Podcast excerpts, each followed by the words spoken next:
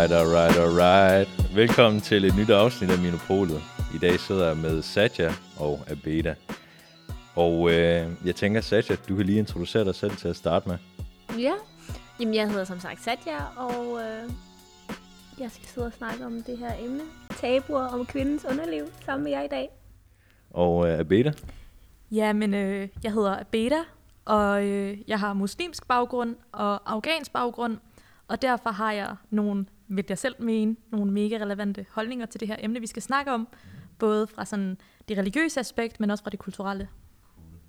Og øh, som I nok kan høre, så der er løftet sløret for, hvad vi skal snakke om, og det er et meget tabuiseret emne, og øh, vi kommer til at snakke om kvindens underliv, og øh, vi har selvfølgelig spurgt jer om, hvad I vil ind på, og øh, vi kommer blandt andet ind på jomfruhinden, menstruation og øh, gynækologi. Så jeg tænker, Satya, hvad har du af, af tanker, når jeg nævner jomfruhinden? Ja. Mm, jamen, jeg tænker for det første, at det ikke er en hende, som mange går og tror, men at det nærmere er en krans, der ligesom er placeret i de eksterne kønsdele. Øhm, og når man snakker om jomfruhinden, så øhm, snakker man jo meget om, at sådan, man skal passe på, at den ikke sprækker, og så må du ikke gøre det, og du må ikke bruge tamponer, og du skal helst passe på med at tage til gynekolog, fordi at, øh, så springer din jomfru hende, hvis du ikke har været seksuelt aktiv. Øhm, og et af de spørgsmål, som vi fik i dag, det var også det der med, at man oplever, at der er rigtig mange mellemøstlige kvinder, det stod der i hvert fald i den besked, vi fik tilsendt, der ikke tager til gynekolog, fordi de er bange for, at, øh, at deres jomfruhinde kommer til at springe. Øh, så man springer ligesom den del over. Øh, og der vil jeg sige, at jeg har da selv hørt om det i forbindelse med, at man skulle til, øh, hvad det der, kraftundersøgelse, livmorhalskraftundersøgelse, ja, øh, hvor min mor sagde til min storstar, at ej, det skulle hun lige passe på med, fordi så springer den jo. Øhm, og det tænker jeg faktisk generelt er en kæmpe misforståelse, fordi det er jo ikke en hende eller en eller anden form for membran, der kommer til at springe, hvis det er, at du fører en tampon derop, eller hvis du er til en gynekolog, øh, gynekolog undersøgelse. Altså, og hvis man så er seksuelt aktiv, så er der jo ikke som sådan noget, der kommer til at springe, fordi som sagt, det er, det er ikke en hende, men en krans. Mm. Øhm, og du kan så godt risikere, at der kommer nogle... Øh, ikke revner, men... Det er en rift ja, på, præcis. på øhm, livmoder. Nej, undskyld. Øh, på kransen. Det er på selve... Øhm, Ringen. Nej, folden. Ja, præcis. Ja. Og det er det, der gør, at man så bløder. Ja, hvis man bløder, fordi det er nemlig heller ikke alle, der kommer til at bløde. Slimhindefolden. Ja. Det er på den, at der kommer rifter, og det er derfor, man bløder. Mm. Øhm, og undskyld, jeg afbryder dig, nej, nej. Satya. Men øhm, som du selv siger, der er rigtig meget uvidenhed forbundet med, med kønskransen, som bliver kaldt jomfruhinden. Man kan ikke måle, hvorvidt en kvinde er jomfru eller ej, men det er det her begreb, der gør, at kvinder, øhm, at, at lige pludselig så bliver der sat en eller anden ærbarhed, eller en eller anden sådan værdi på en kvinde, i forhold til, hvor ren hun er. Øhm, og det gør der ikke på samme måde hos mænd. Og det synes jeg er problematisk. Øhm, og så... Øh, Men det, det er jo en god pointe, du kommer ind på. Men hvordan tænker I, vi kan ændre den problematik fremadrettet? Altså, ved at oplyse.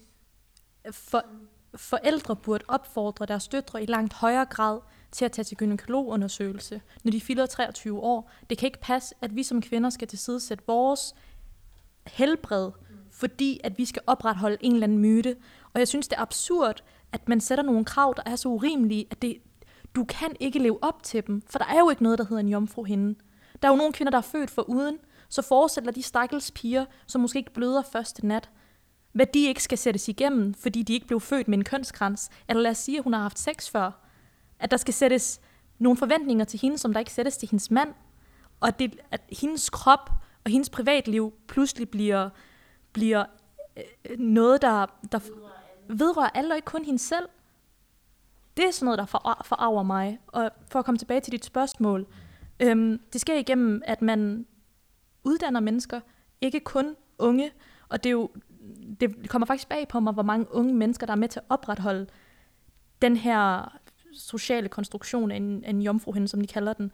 For det er ikke kun forældre, det er også unge drenge, som tror på, at en kvinde skal bløde første nat. Så Men som jeg kan høre det, så kommer der noget videnskab ind, Ja. som vi så skal lægge frem for den ældre generation. Men jeg kan også se, at der er øh, et minoritetsetnisk miljø, øh, blandt andet øh, muslimer, som øh, bliver berørt af det her. Så den her videnskab kan måske komme til at clash med nogle af de her muslimske værdier. Altså, hvordan tænker I, man håndterer det? Øhm, der vil jeg faktisk også sige, at uddanne mennesker, for som muslimsk kvinde din mand ikke ret til at spørge ind til dit sexliv, eller spørge, om du er jomfru. Og selv hvis du har haft sex, så har han ikke ret til at vide det. For det er mellem dig og Gud. Det er ikke mellem ham øh, og Gud. Så jeg vil mene, at det problem, der i virkeligheden eksisterer, er et kulturelt problem, og ikke et religiøst problem.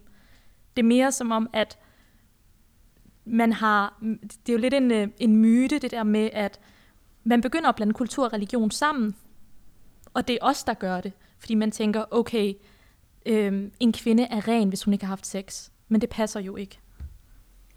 Ja. Hvad tænker du, Satya? Jamen, jeg er helt enig med det, Abeda siger, og i forhold til, at øh, hvorvidt man har haft sex, altså sådan, jeg kan da godt forstå, at hvis man indgår i et partnerskab med en fyr eller en pige eller whatever, at man så har lyst til at snakke om sine forrige oplevelser og whatever, men der er også forskel på at spørge ind til, øhm, at spørge ind til, hvem man har været sammen med, og så få den besked, og så dømme en på baggrund af tal og whatever.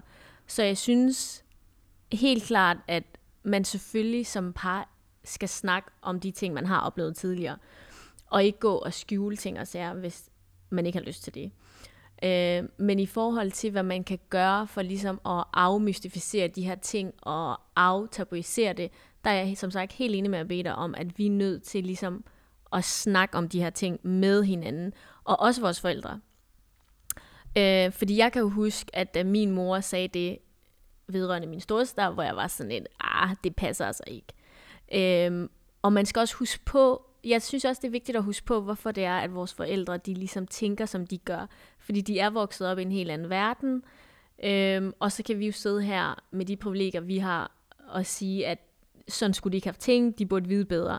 Men det er bare en helt anden verden, men nu sidder vi her og har nogle andre muligheder og andet viden, og det synes jeg, vi skal være med til ligesom at uddele til dem på en stille og rolig og konstruktiv måde. Og så skal de nok komme med, og hvis de ikke gør, så synes jeg, det er rigtig vigtigt, at man som menneske gør sig nogle overvejelser omkring, okay, hvorfor er det, at jeg tager til en gynekolog, og hvorfor er det, at jeg har sex? Øhm, og man skal sådan være indforstået med, at hvis du har sex med en fyr, øh, en fyr, to fyr, eller ti fyr, eller whatever, at man er bevidst om, at antallet, altså det du har mellem øh, skridtet, øh, det er ikke det, der ligesom afgør værdien af dig. Øhm, og jeg, men jeg tror, det er rigtig svært, hvis man er vokset op med nogle andre fordomme. Jeg tror, det er rigtig svært at nå frem til den konklusion. Og der kræver det, at vi unge ligesom hjælper hinanden og snakker om det, og er ikke dømmende over for hinanden. Så hvis for eksempel Beta sad her og sagde til mig, at øh, jamen, hun mente, at øh, skedekransen, der var ikke tale om en krans, men en hende, så skal jeg ikke sidde og være sådan, oh my god, hvad er det for, en, for et bjerg, du er opvokset op i? Men ligesom være lydhør over for, hvorfor det er, hun tænker de ting. Og så dele de erfaringer, man selv har. Fordi jeg tror også, det er vigtigt sådan, ikke at pådytte nogen andre den viden, man har, eller den levemåde, man har. Og hvis man holder så meget af sin levemåde, så må man også bare føre an med eksempel, og så lade være med at pådytte folk ting. Men er der ikke forskel på, hvilken levemåde man har? Altså det kan jo være, at den levemåde, man har, måske er radikal eller destruktiv. Klart, og det er også derfor, at jeg tænker, hvis man så er utilfreds med den måde, andre fører deres liv på, mm, og tænker, at den måde, man selv gør det på, er det helt rigtigt, der må man så også have nok tiltro til, at det er det rigtige, og så bare leve sit liv og passe sig selv. Og hvis muligheden for at uddanne vedkommende eller andre byder sig, så må man tage den. Men jeg synes ikke rigtigt, at, sådan, at det som sådan kommer mig ved at sige til folk, øh, ej, du skal da bare have sex, eller du skal da bare tage til gynekolog. Altså, Det er også vigtigt for mig at understrege, at når vi taler om kønsgrænsen, og øhm, om sådan, hvilken værdi man tillægger kvinden, at det er ikke, hvad kan man sige, mit formål, og så skulle gå og sige, du skal have sex, eller du skal til gynekolog, eller du skal det her. For mig er det bare vigtigt, at man som kvinde har retten over sin egen krop, og har det frie valg til at tage den beslutning, som man selv finder er rigtig. Og det har jeg oplevet med den kultur, jeg kommer fra, at det har man ikke. Lige pludselig bliver spørgsmålet om at tage til gynekolog et, sådan et familie, noget man drøfter med familien, foretagende, og det er jo, prøv at høre, på et tidspunkt, og jeg, jeg blamer ham slet ikke, men jeg snakker med min bror om, at øh, jeg har muligvis endometriosis. Det, hvis I har mange øh, menstruationssmerter, det kan vi også komme ind på lige øh, senere, så skal I nok til gynekolog. Øh, at jeg sikkert skulle til gynekologundersøgelse. Og der, øh, der siger min bror sådan, eller min svigerinde, hun er sådan, ej, men er der, skal man ikke lige være påpasselig med det, og er det ikke lige noget, man skal tænke over? Så siger min bror, ej, det skal hun da slet ikke. Og han blev bare mega stolt, og så siger han efterfølgende, hun kan da bare vise sin uh, lægejournal til hendes mand. Og jeg tænkte, tænkt, what the fuck? Altså, forestil, forestil dig, at man bliver sat i den situation, at man skal vise sin lægejournal til sin kommende partner for at bevise, at man er jomfru. At Det, jeg synes, for mit vedkommende er det utrolig krænkende, og det er vildt underminerende. Og det er bare lige for at komme ind på, der er også nogle steder, og det er ikke alle familier, men jeg har hørt om et eksempel, hvor en pige skulle bevise over for sin familie, at hun var jomfru ved at vise, at hun havde blødt på første nat. Øhm, og igen, jeg siger ikke, at det er repræsentativt for alle familier, det er det bestemt ikke i min, eller kunne forestille mig i rigtig mange pigers, men at det overhovedet finder sted. Ja. Men jeg kan høre, at der er nogle gange en tæt relation mellem social kontrol og så den opfattelse, man har af, af jomfru henne. Øh, og det er jo selvfølgelig også det farlige i det. Øh, der er jo en forskel på at, at have sin egen måde at leve på, men når man så begynder at kontrollere andre og være destruktiv, så, så kan det godt blive et problem. Men hvis vi så skal gå videre til det emne, du nævner med menstruation, altså hvad tænker du, der er tabuer, eller er nogle ting, vi kan ændre der? Mens, menstruation, jeg kunne godt, altså igen, nu øh, taler jeg ud fra min baggrund. Jeg har oplevet, at det, og det gælder ikke kun hos øh, den afghanske kultur, eller øh, hos den muslimske, men også hos den danske, at man bliver nærmest sådan helt forlegen, når man skal tage sit bind frem og skal ud på toilettet. Det er som om, der er noget sådan, drengene ved, at der er noget, der hedder menstruation, men de ved ikke helt, hvad det er, og de har sådan lidt berøringsangst, og man, man skal gå og skjule det lidt. Og jeg kan huske, at når, når, jeg, når jeg så faster under ramadan-måneden, altså de fleste af mine veninder, når de så var undtaget for at faste, fordi de har deres menstruation, så ville de stadig skjule det faktum, at de ikke spiste. For det var sådan, åh gud, drengene må jo ikke finde ud af, at vi har vores menstruation. Og jeg blev, når jeg så, og jeg, det er deres eget business, hvad de vælger at sige og ikke vælger at sige. Det handler jo også om personlige grænser. Men jeg ville jo spise åbent, fordi jeg var undtaget, for jeg havde menstruation. Og der kan jeg huske, en af de her piger bare var sådan, er du ikke, er du ikke forlegen over, at drengene kan se, at du ikke faster, fordi du har menstruation? Og jeg var bare sådan lidt, what the fuck? Skal jeg gå og lade, som om jeg faster? for sådan at kunne skjule det faktum. Altså, I, I blev undervist i skolen. Skal jeg gå og lade som om, at der er noget, der ikke hedder menstruation? Det skulle da også sådan den negative konnotation, det får lige pludselig, at det er noget skidt. Man bør da hylde kvinder og være sådan, fuck, hvor er I seje, I kan bløde syv dage om måneden, og så stadig fungere og tage i skole og arbejde, og I skaber liv igennem det her sådan vidunder. Men det er det ikke. Det, ja. Altså, jeg tror, menstruation er jo generelt lidt af et ikke omtalt emne alle steder. Måske ikke ligefrem tabu i Europa eller whatever, det skal jeg ikke kunne sige. Men altså, i forhold til, at der er piger derude, der for eksempel under ramadanen ikke rigtig nævner, at de har deres menstruation, der kan jeg godt forstå, at tilfældet er virkelig ærgerligt, men jeg tror også, det er rigtig vigtigt ligesom at have forståelse for, hvorfor det er, de gør det på den måde. Det må også være utrolig svært at tage emnet op i en familie, hvor du aldrig nogensinde har snakket om det. Hvor første gang du fik din menstruation, der fik du en bind, og så var det det. Der var ikke nogen, der snakkede med dig om menstruationscyklus, eller ægløsning, eller at nu betød det faktisk, at du var frugtbar, og der var chance for, at du faktisk godt kunne blive gravid, hvis det var, at du lavede noget, du måske var lidt for ung til at Men- gøre, eller whatever. Men den viden, du snakker om, tror du det er fordi, der er et tabu omkring det, eller fordi folk ikke kender til det? Jeg tror, at den videnmangel, der er, skyldes en god blanding. Øh, I de miljøer, som Abela nævner, og nu skal vi igen sige, vi siger ikke, at det foregår i alle hjem, men det foregår derude. Øh, der tror jeg, det skyldes, at for, man taler jo ikke om det. Øhm, og hvis man føler, at det er skam og beskidt det her, så er man heller ikke åben for at skulle snakke om det uden for hjemmet. Så man render bare rundt i den her cirkel af uvidenhed, og hvis der er nogen, der så bare nævner ordet menstruation, så bliver man bare helt rød og varm i kroppen og bevæger sig væk fra det. Øhm, og ja, der tror jeg da også bare, at de voksne i familien har et ansvar for ligesom at undre sig over, at du har spist 30 dage i træk, øhm, og du har fået bryster, og vi kan se, der er kommet former og sådan noget. Er du ikke kommet i puberteten? Burde der ikke være nogle dage, hvor du ikke skulle sidde med her? Altså der synes jeg også, at de voksne har et ansvar for ligesom at sige, okay, du behøver ikke, for eksempel moren, du behøver ikke at lade som om, at du skal spise med. Øh, og også faren. Men der skal også bare være en forståelse for, at det har man ikke gjort. Der er ikke, øh, der er, kulturen er der ikke, så man skal også arbejde for det. Og der tror jeg da også, at vi har været med til at skubbe til nogle grænser og tage nogle samtaler op. Det ved jeg i hvert fald, jeg har. Og der kan jeg nævne et tilfælde, hvor, fordi når jeg får min menstruation, så kan det virkelig ses på mit ansigt. Fordi jeg får bumser, og jeg får PMS, efter jeg har haft ægløsning.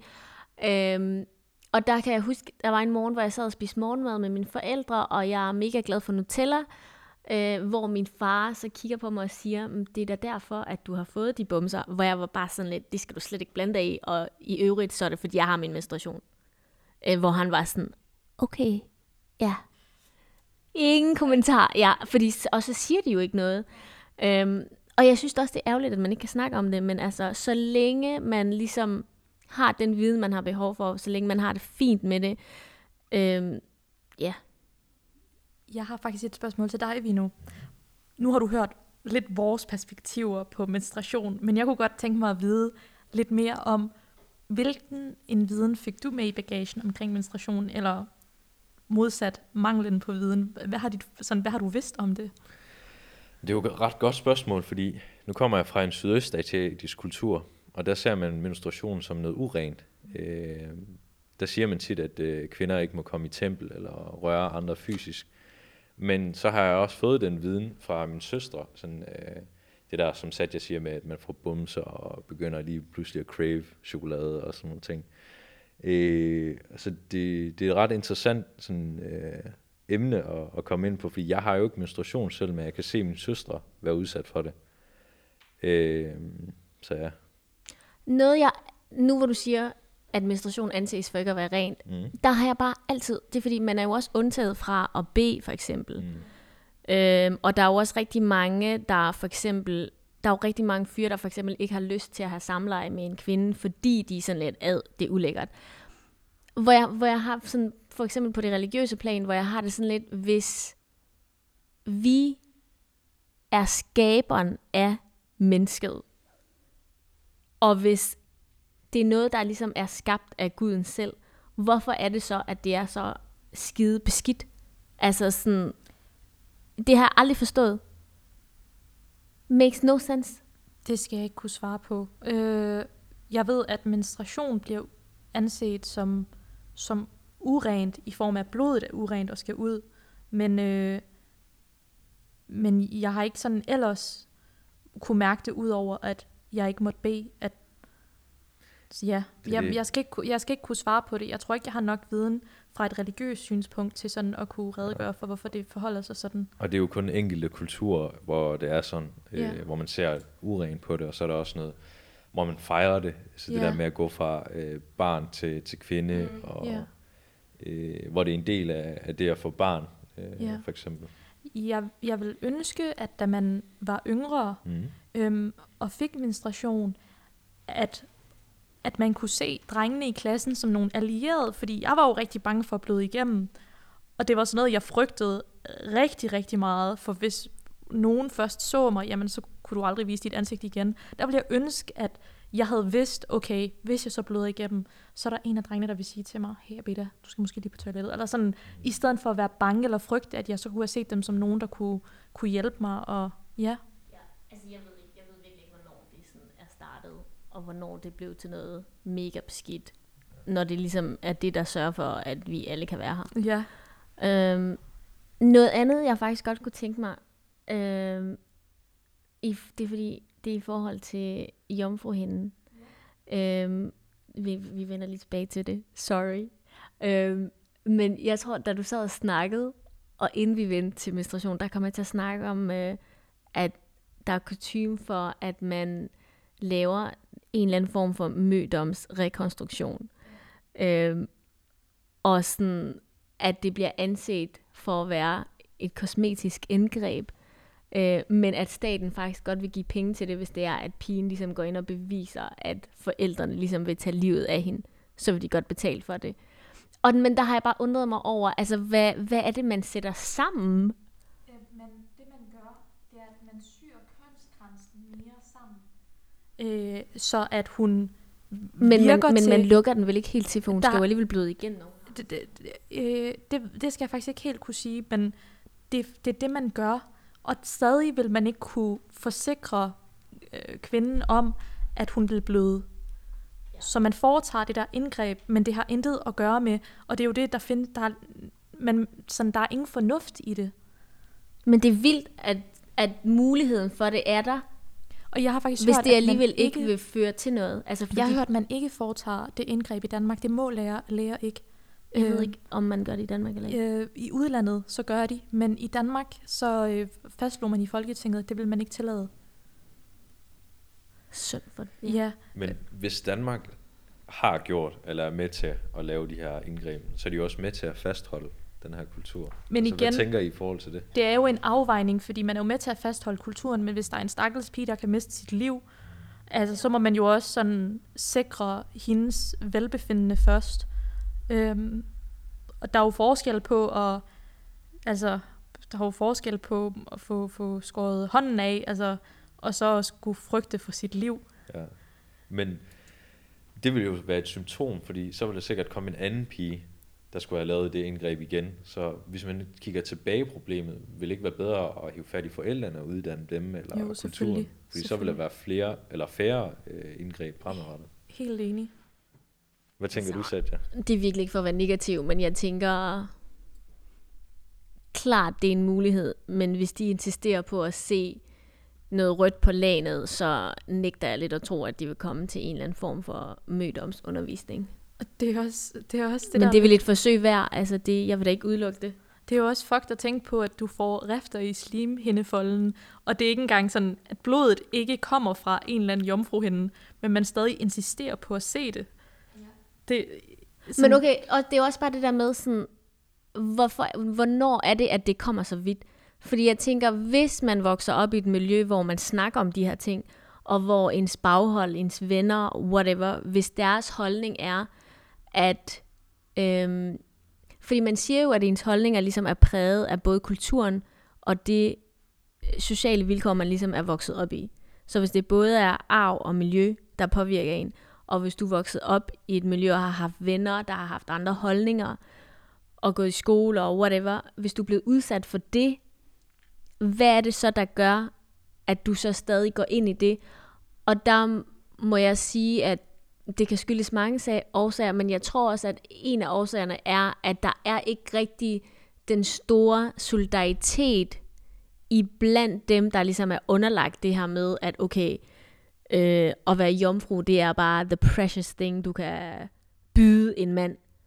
Og jeg tror heller ikke, der er så meget solidaritet i forhold til de unge drenge og mænd, der ligesom kan kigge på en pige og så sige, ej, altså, jeg er da ligeglad med, hvor mange mænd du har været sammen med. Altså, dit værd bliver ikke målt på, hvor mange der har været igen der. Altså, Lige i forhold til det der, der vil lige spørge, er det noget, der står i islam, at en kvinde skal være jomfru, eller at hun bliver dømt, hvis hun har haft sex?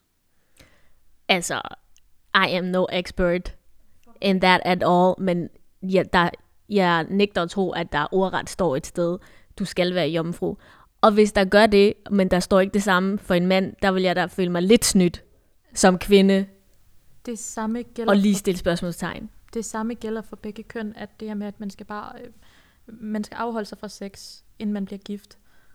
Men selv hvis man så har haft sex inden, så er det, det er bare generelt det her princip op, at man taler ikke højt om sine sønner.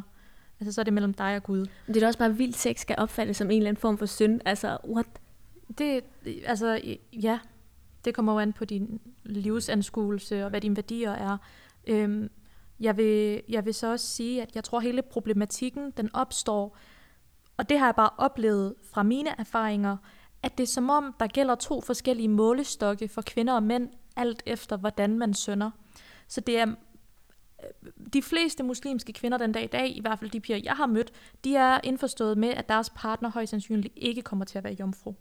Men de fleste drenge, jeg har mødt med muslimsk baggrund, vil alle sammen gerne have en jomfru. Der er et eller andet i det her regnestykke, der ikke helt giver mening. op. Der vil jeg skynde mig at sige sådan, at der, det er ikke alene mænd af anden etnisk baggrund, der har den holdning. Der er også mænd i blandt etnisk danske, der er også kvinder i blandt etnisk danske, der mener, der ser ned på folk, der har været sammen med 100 mange. Jeg ved ikke, hvad de måler det efter. 100 men- procent. Ja. Men der er forskel på at tale om spørgsmålet, om hvor mange partner du har haft, og så at sige, jeg har sex med hvem jeg har lyst til, men du skal være jomfru. At der gælder Men- bare generelt, ja. der er et hyggeleri, mm. men der er forskel på graden af det. Ja. Og der skal jeg ikke udelukke, at der er piger af etnisk, af den etnisk baggrund, der stiller spørgsmålstegn ved det, men der er også rigtig mange, der ligesom underlægger sig det, og om tror, okay, der ligesom ikke rigtig, måske gør sig nogle overvejelser omkring, hvorfor er det, jeg vælger at være jomfru? Er det, fordi jeg selv har lyst, eller er det, fordi der er de her indoktrineringer, der gør, at jeg mener det, jeg mener nu her? Øhm, og igen, det er ikke alle, men jeg er stødt ind i situationer, hvor man stiller spørgsmål, og så kan vedkommende ikke rigtig forklare sit valg. Øhm, så jeg tror igen, det er det der med, man må leve sit liv, som man har lyst til, og hvis man mener, det er det rigtige, så må man ligesom lade de handlinger tale højt, og ligesom stå som et eksempel. Og hvis der er så folk, der gerne vil følge det, så må de gøre det. Vi som mennesker er jo vant til at gøre det, vi øh, føler os tilpas med, eller det, vi har gjort tidligere. Tror du, det også hænger sammen med, altså hvis vores forældre har haft den tro, eller overbevisning, at vi så tager den med, fordi det er det, der er lettest? Ja, det tror jeg helt klart. Jeg tror da også samtidig, at hvis du er vokset op, hvis du er vokset op i et land, hvor den gængse holdning til tingene er anderledes, og hvis du omgås folk, der har en anden holdning, end det du ligesom finder inden for husets fire vægge, så tror jeg også, du bliver påvirket af det. Altså, fordi man, man ser jo andre ting, man hører andre ting, og man begynder at stille spørgsmålstegn ved ting. Øhm, og det er jo helt normalt. Så jeg tror, det er en blanding, altså kulturarv, vi begge ting påvirker. Så det kommer lidt an på, hvad er det, du er mest, hvor er presset størst? I don't know. Vi har også, øhm, vi har også fået nogle, øhm, vi fik indsendt nogle forslag til, hvad folk også gerne vil høre. Et af dem var det her med, at man som kvinde måske var lidt forlegen over, at man havde mørke hår. Øhm, så i forhold til det her med, at underlivet er et kæmpe tabu, hvad tænker I i forhold til det, og de forventninger, der, der er til kvindens underliv? Og her tænker jeg ikke kun på mørke hår, men jeg tænker også på sådan noget som, øh, hvis, jeg, jeg har også snakket med rigtig mange kvinder, som ikke synes, deres underliv er flot, fordi at de er bange for, at fyre har nogle urealistiske forventninger til dem, fordi de ser porno eller andet. Ja, altså jeg kan jo svare som fyr, og jeg synes, altså mange af de her forventninger, som er kommet, det er jo igennem både sociale medier og, og virksomheder, og, og tit så er der en opfordring om, at du skal købe noget, øh, for at kunne nå det her øh, ideal, så det er lidt et forbrugersamfund, som påvirker det her ideal. Øh, jeg synes, det er trist, at vi ændrer på noget, som er unikt og, og naturligt. Øh, også, altså, det er jo så i forhold til det fysiske. Jeg har også nogle holdninger i forhold til kønsbehåring, og om det så er lyst, mørkt eller noget andet, det er så en anden sag. I, der har jeg det bare sådan lidt, altså fakta er, vi ser anderledes ud. Både på skridtet og andre steder. Og hvis man ikke kan håndtere det, så tror jeg bare ikke, man er så realistisk omkring livet generelt. Øhm, og i forhold til hår på armen, ben, skridtet, der har det bare sådan lidt altså, personlig præference. Øh, vi har fjernet hår siden tidernes morgen, og det har vi gjort af hygiejniske årsager og af, øh, hvad hedder det, åh, oh, nu har jeg lige glemt ordet. Fordi man gerne vil have, at det hele var glat og godt. Øh, ja, så jeg har det bare sådan et personlig præference. Men hvis man støder ind på en, der insisterer på, at man skal fjerne noget, som man ikke rigtig selv føler for, men ligesom bare gør på grund af den anden person. Øhm, sådan nogle ting går jeg ikke rigtig ind for, fordi der tror jeg, man så skal stille sig selv det spørgsmål, hvorfor er det, man gerne vil fjerne sin egen værdier for at gøre en, et andet menneske glad. Men det er jo så et helt andet problematik. Men i forhold til øh, hårgroninger og whatever, der har jeg det bare sådan lidt, det må være op til den enkelte selv. Altså jeg tror ikke, fyre ved, hvor meget sådan en laserbehandling koster, først og fremmest. Så øh, de må endelig gerne bidrage til kvinders laserbehandling, hvis de gerne vil have deres kæreste, eller whatever, skal være hårfri. Men det kommer også an på, hvad du tænker, når du siger hårfri. Altså hvor på kroppen og... Øh, ja, altså nu blev der. du jo... Øh, nu blev du, ja, fordi at jeg tror, der blev skrevet, var det, var det mørke hår dernede, eller var det generelt mørke hår? Øh, sat jeg? Øhm, jeg tror, det var generelt, faktisk. Okay, generelt. Ja. Øhm, der vil jeg sige, at jeg har oplevet rigtig, rigtig oftest, at kvinder med, ja, med sådan nogle, der ligner mig, med mørke hår på armene, og er mega selvbevidste omkring det. Og det er ikke kun under armene, eller hvor som helst, det er sådan en hver form for, for, for hår på kroppen. Og det, alle skal gøre, hvad de har lyst til, men jeg synes, jeg synes bare, det er synd, at sådan noget som hår på armene, mm. for det er sådan, det er jo også et eller andet, det der gør mig til menneske. Det, altså, det, hvor, meget, altså, hvor meget skal man gå og... Ja, jeg tror bare, der er sådan en eller anden narrativ ude i samfundet om, at kvinder skal være glat barberet fra top til tå. Og det kommer af pornofilm, vil jeg lige hilse at sige. Fordi, at, og så må deres mødre skulle øh, uddanne dem og vise dem, hvordan kvinder ser ud. Altså, så må man også bidrage til det igennem seksualundervisning, og så at komme ind på det. Og det synes jeg faktisk også noget, som man bør gøre mere ud af i skolen. Ikke kun seksualundervisning, men bare generelt det her med at uddanne Men i unge. forhold til porno, er det skridtet, du snakker om? Jeg taler bare om, hvordan kvinder skal se ud generelt. Altså, det kan både være behåring på kroppen, øh, men også sådan kropsmæssigt, hvordan de ser ud. Altså, det, det er jo fuldstændig urealistiske forventninger til kvinder på alle parametre. Men lad os vente den. Hvad og også jeres, til mænd. Jamen det er det. Hvad er jeres holdninger til kropsbehøjning på mænd? Jeg synes, altså jeg okay. siger ikke, jeg er fordomsfri. Altså, jeg... okay, lad mig høre. jeg er en del af det. det ja, altså, der vil jeg, jeg foretrække... Øh, altså, jeg kan virkelig ikke lide... Altså, jeg vil sige, det er fandme ikke alle, der ikke har bærehår på brystkassen. I'm just saying. Jeg synes, det er attraktivt med lidt hår på bryst. Ja, altså, hvis han er helt glat barberet, så vil jeg føle mig mere mand end ham, fordi jeg har hår på armene. Altså, det vil være sådan lidt... Ja, nå, jeg vil er det mig eller dig, jeg, der jeg, jeg, jeg vil heller ikke have det glat barberet, men jeg gider bare heller ikke have hår på ryggen, og maven, og brystkassen, og ja.